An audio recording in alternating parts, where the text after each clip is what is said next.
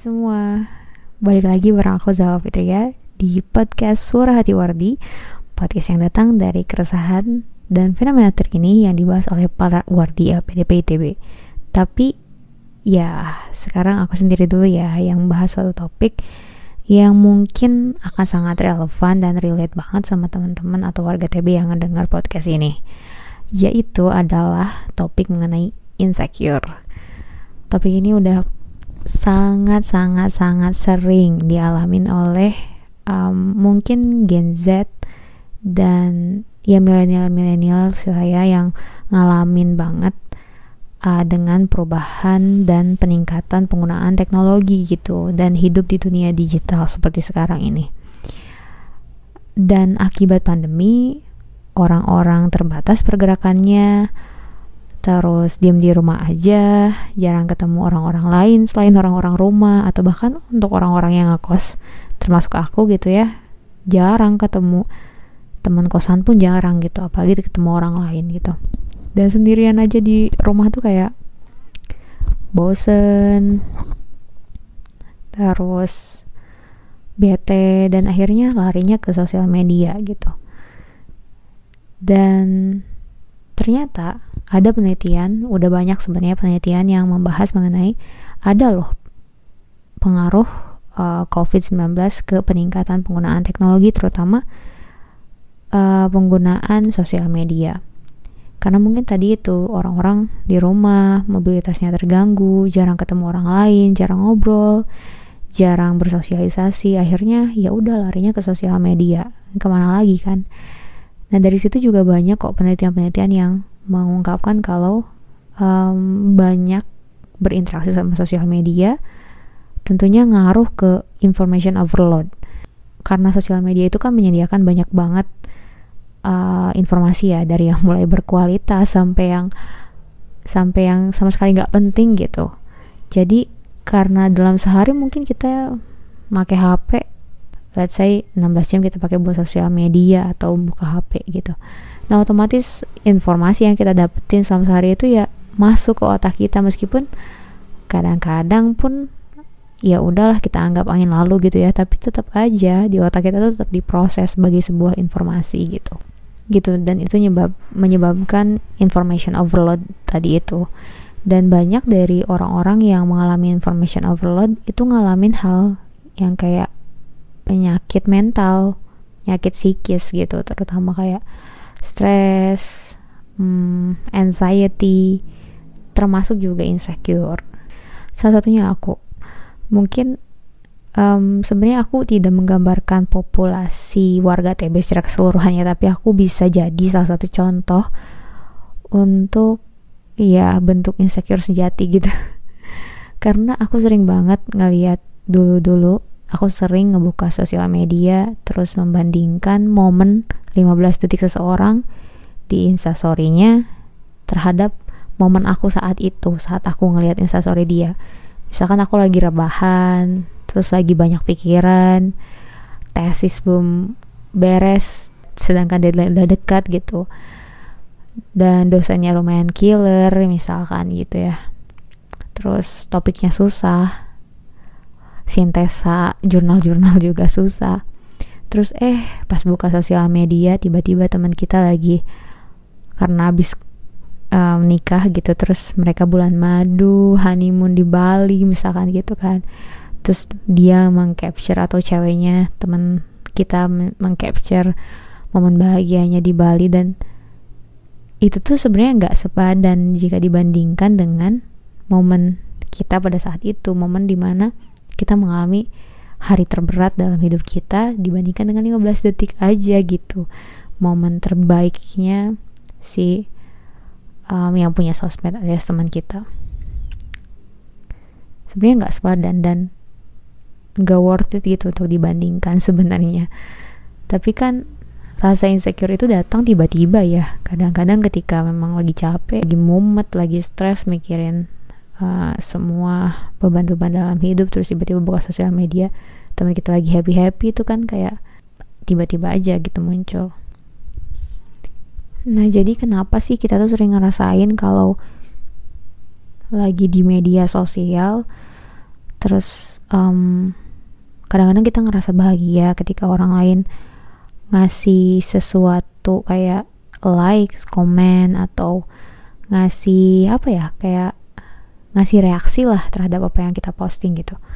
Nah itu tuh disebabkan oleh salah satu hormon yang bernama hormon dopamin. Jadi hormon yang keluar saat kita menggunakan media sosial itu adalah hormon yang sama yang keluar juga ketika kita having sex dan makan makanan enak.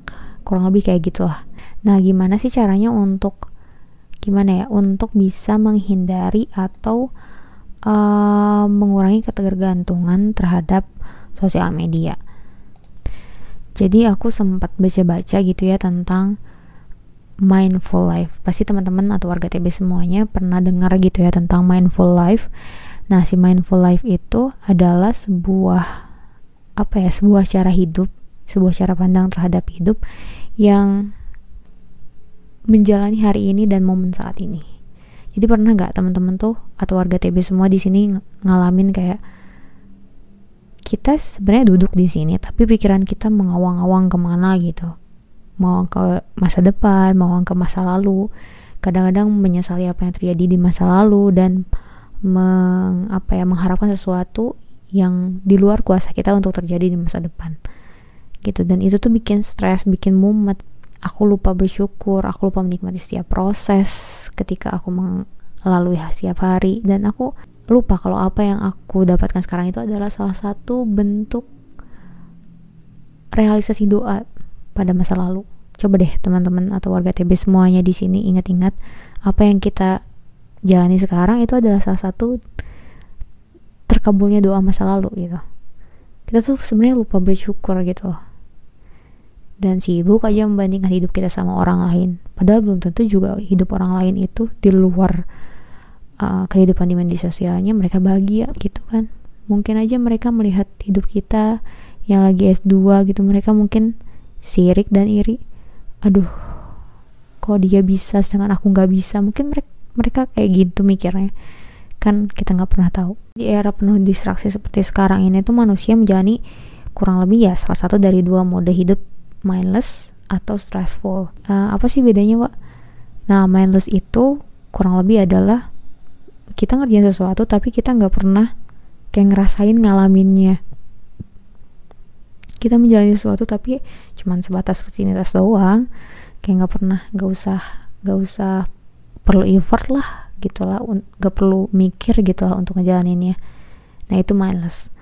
Tapi kalau stressful itu adalah mengerjakan sesuatu dengan penuh tekanan penuh apa ya penuh ketakutan hmm, bisa menyesali masa lalu, bisa mengkhawatirkan masa depan, atau menjalani hari ini dengan penuh tekanan gitu.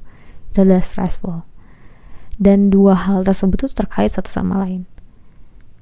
Kadang-kadang orang-orang menjalani hidup yang stressful dan memilih melakukan aktivitas mindless. Misalkan tadi sosmed, sosmed itu. Karena stres misalkan kita ya menghadapi pandemi ini, terus akhirnya memilih aktivitas yang mindless. Ya udah yang heaven heaven aja kayak sosial media gitu. Gak usah mikir gitu. Nah sebenarnya kita bisa banget untuk tidak memilih si tadi itu yang dua itu mindless dan stressful tadi. Tapi dengan memilih mindful. Nah mindful itu adalah hidup dengan sadar melakukan aktivitas satu waktu terus menjalani sesuatu itu dinikmatin gitu lah enjoy gitu. Dan kesadaran kita tuh hadir saat kita melakukan hal tersebut. Daripada mengembara ke masa lalu terus melayang ke masa depan gitu. Untuk menghadapi insecure kita pasti perlu yang namanya metode-metode um, gitu ya. Termasuk tadi itu yang aku jelasin di awal yaitu adalah metode mindful tadi. Salah satu cara untuk um, mengaktifkan mode mindful ini adalah caranya dengan mindful eating. Jadi karena makan itu adalah kadang-kadang kita anggap sebagai aktivitas otomatis, kadang kita makan dengan ngobrol sama orang atau kadang kita makan sambil nonton film. Kadang-kadang pikiran kita terpecah gitu saat kita makan. Tapi coba deh sekali-kali tuh fokus gitu ya. Sekali-kali latih otak kita untuk fokus saat kita makan menikmati setiap suap gitu ya yang kita masukkan ke dalam mulut kita. Bayangkan sampai betapa beruntungnya kita bisa makan pada hari itu.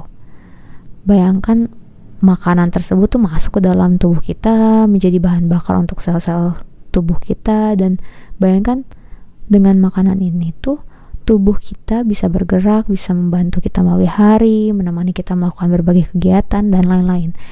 Dengan membayangkan itu, boro-boro kita bisa kepikiran masa lalu atau kepikiran masa depan.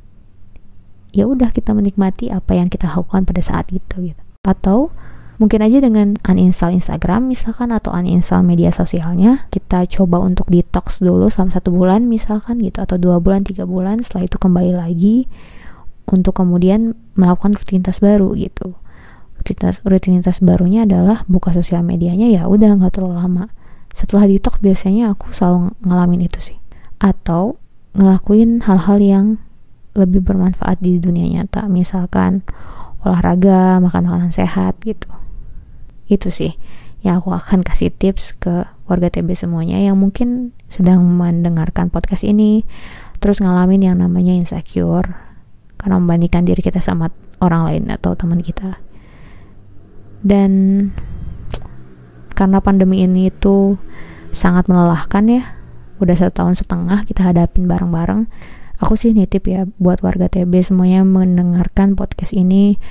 Titip jaga kesehatannya jaga diri baik-baik di mana pun warga TB berada.